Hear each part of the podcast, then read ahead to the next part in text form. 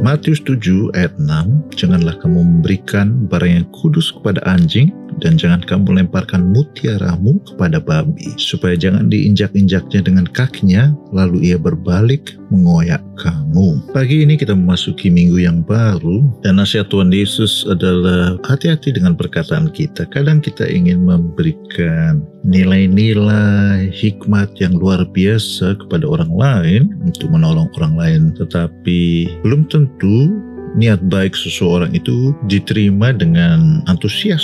Tuhan mengatakan ada yang berharga bagi kita kalau dilempar kepada anjing dan babi bukan saja tidak diterima tapi bahkan mutiara kehidupannya bagi kita indah itu itu diinjak-injak dan kemudian kita dikoyak-koyak. Dalam kehidupan ini sekalipun kita punya niat yang baik, kadang lebih baik kita tidak perlu mengatakan sesuatu kepada orang lain sebelum kita mengerti siapa orang yang kita hadapi tersebut. Untuk orang tertentu sangat baik kalau kita bisa memberi nasihat, mengarahkan, memberikan tuntunan supaya orang itu bisa lebih baik lagi, lebih sukses lagi. Tetapi untuk orang tertentu, silent is gold. Diam itu seperti emas.